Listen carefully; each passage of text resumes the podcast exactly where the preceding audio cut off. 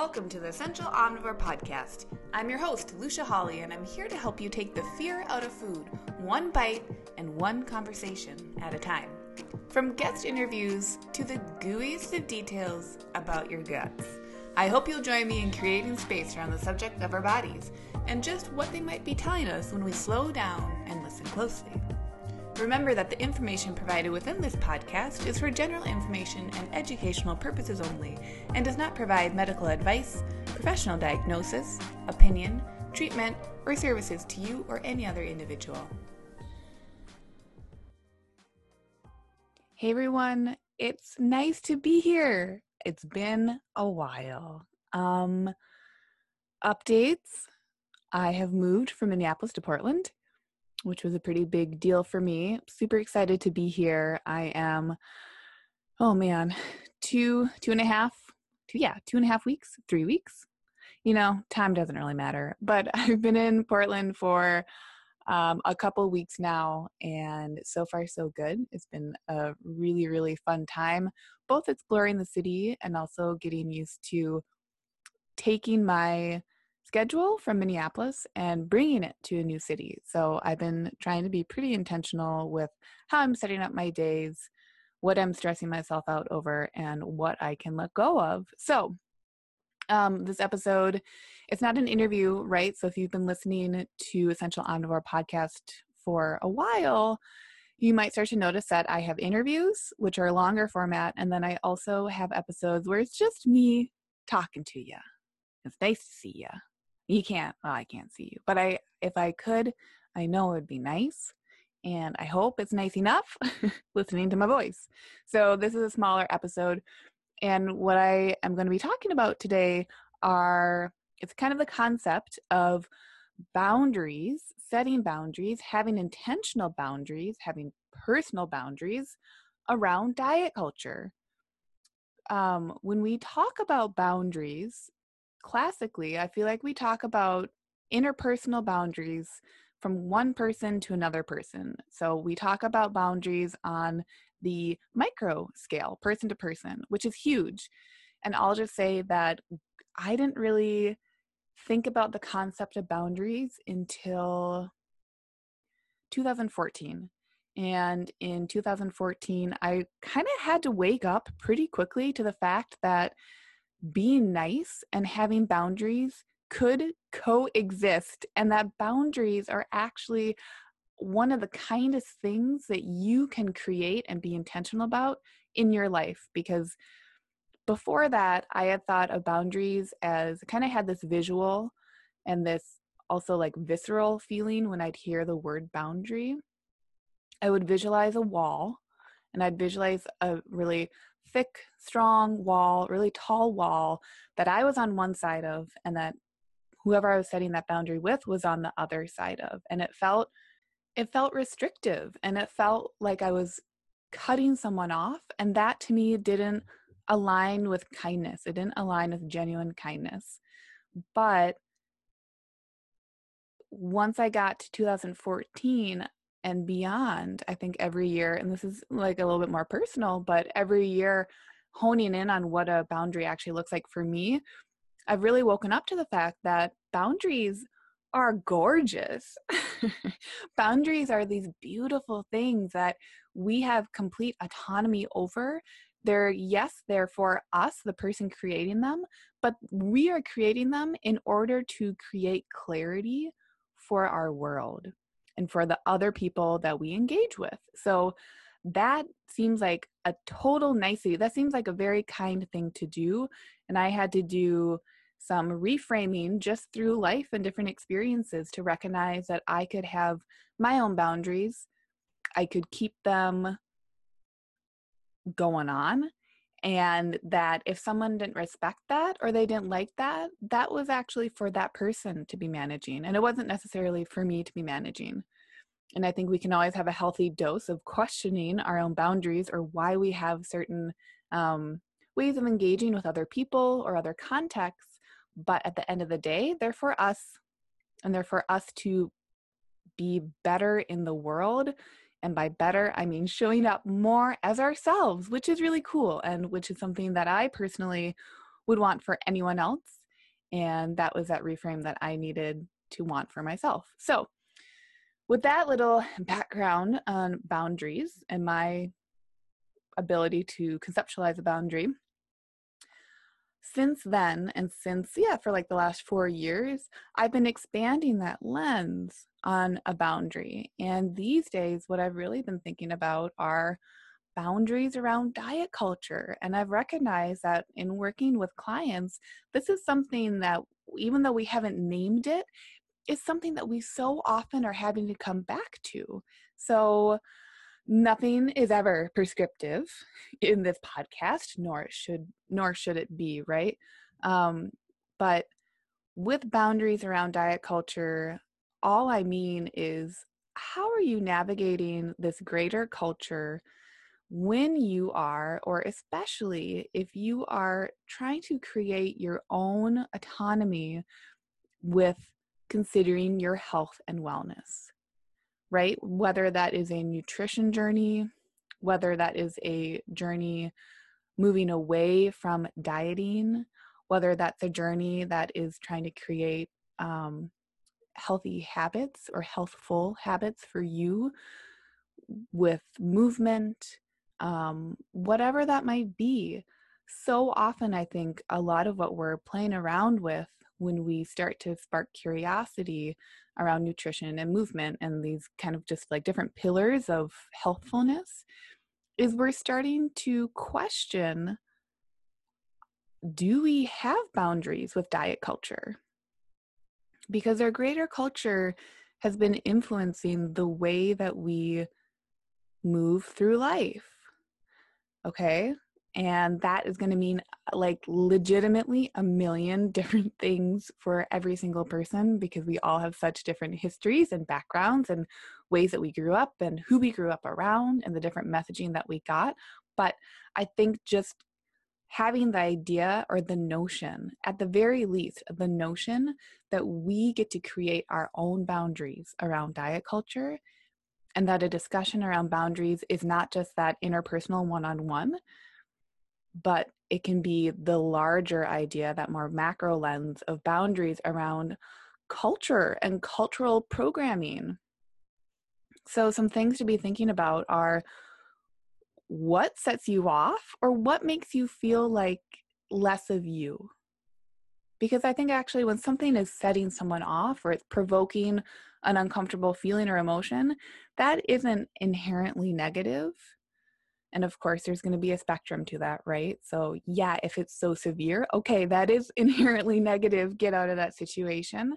But oftentimes, and this is actually, I do think, part of diet culture, diet culture is going to say, hey, if you if you feel bad, A, that could be some motivation. So let let's have you feel guilty, let's have you feel shame. This is our primary way of motivating someone to change.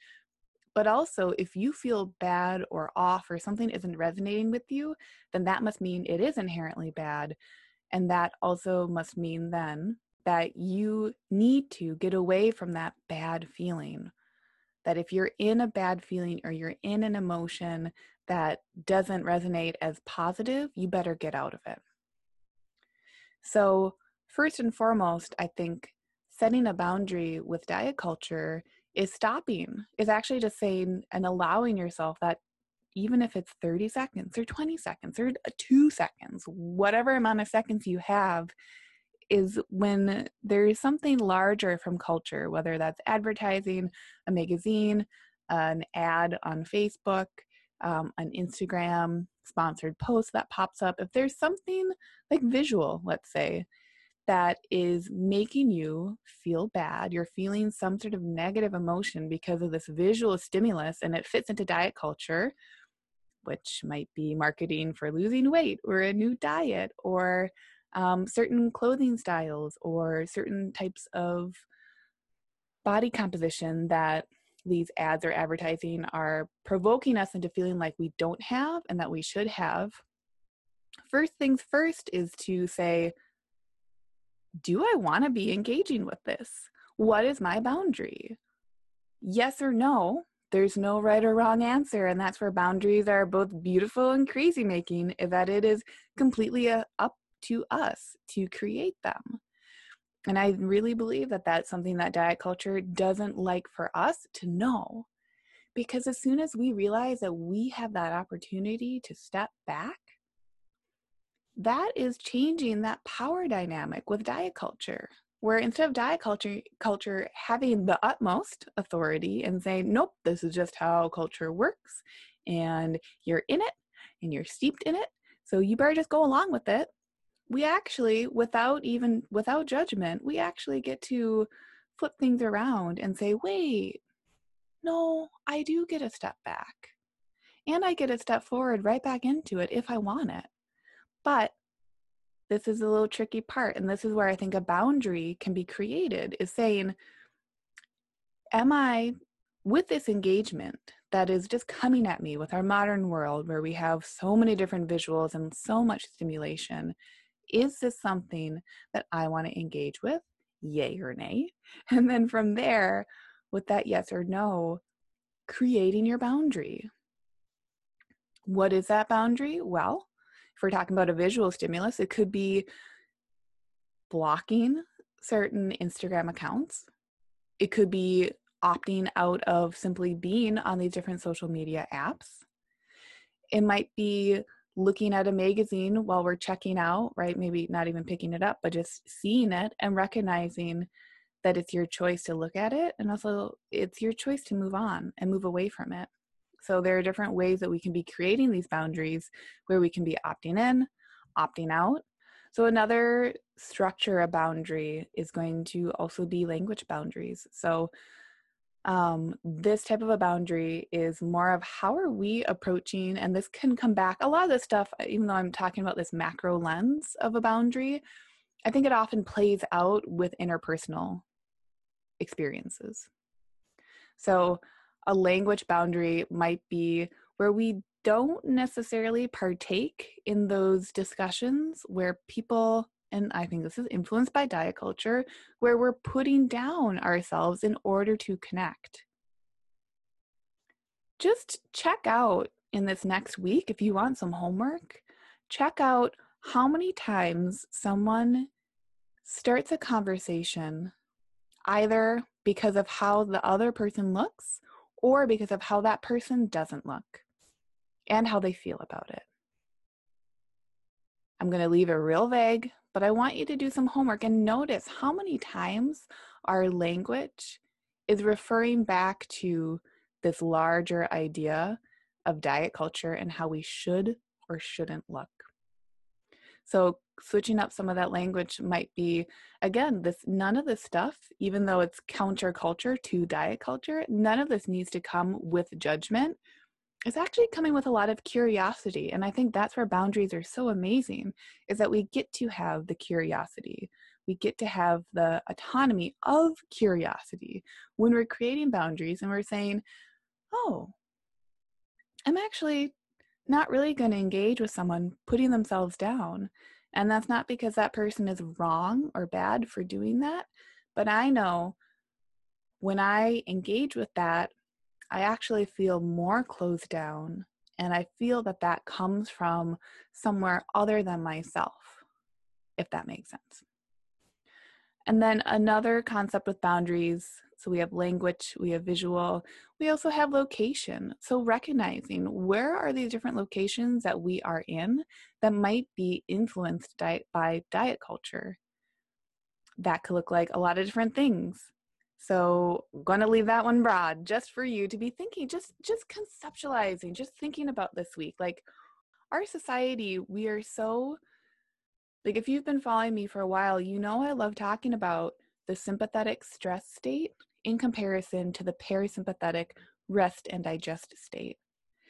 And you also know that I love talking about how we're in this constant, constant amount of chronic sympathetic stress state. Our days, our modern world, our Western world, our United States of America world, I think it's very specific to our country in a lot of ways we really are being told that we can thrive off of this chronic stress, and we're getting told, shown, or we have no other choice than to be engaging in chronic stress just to get by. So, whenever someone does have a certain amount, and I hate to say it, but a certain amount of privilege in order to shift around how they're engaging with that chronic stress, I think it's so important that we grab that privilege and we say, okay, I'm going to do this. I'm going to do this and create more space around what I want to be doing and how I want to be living my life. Because guess what? Life is not tomorrow. this is so corny. Life is not tomorrow. Life is today. Life is right now. And our bodies are always signaling to our minds and vice versa. So, what can we do right now? that's going to be affecting if we're in a sympathetic or if we're in a parasympathetic state. And once we're in either one of those, we're really choosing the cascade of functions within our body, either the stress cascade or the rest and digest cascade. So, being able to approach the idea of boundaries beyond interpersonal boundaries and step back one step further to say, whoa, I can have a boundary around diet and around a diet culture, I think that's incredibly empowering. And day to day, it can just, it can feel like the nitty gritty and it can feel like, oh my God, I don't have any more time just to breathe. Like my life is really stressful. But if you're starting to get curious about nutrition, you're getting curious about how you move your body, you're also probably getting curious about how your days are and you're getting curious about how your nights are. And if you're curious about one day and one night, then I'm just, I'm going to make an assumption that you're curious about multiple days and multiple nights, and you're actually curious about your life.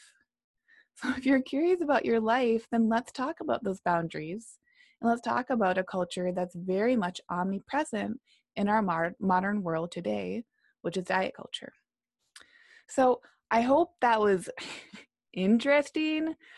I hope it wasn't too vague, but I hope it's some good food for thought where it's not going to be prescriptive. It's not going to, uh, aside from some of that homework of just starting to notice. See what you notice, or see if you notice certain people or certain environments or certain times of the week or places you go where there are fewer conversations that readily fit into diet culture where are those spaces where you feel a sense of relaxation?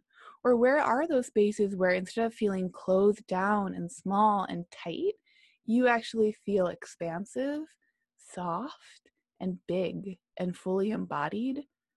Those are huge, hugely impactful spaces that I think probably are somehow going against diet culture and what diet culture promotes. Hey, thanks so much for joining along on today's episode. For full archives of past episodes, hop on over to essentialomnivore.com or subscribe to the Essential Omnivore podcast on Apple Podcasts or Stitcher.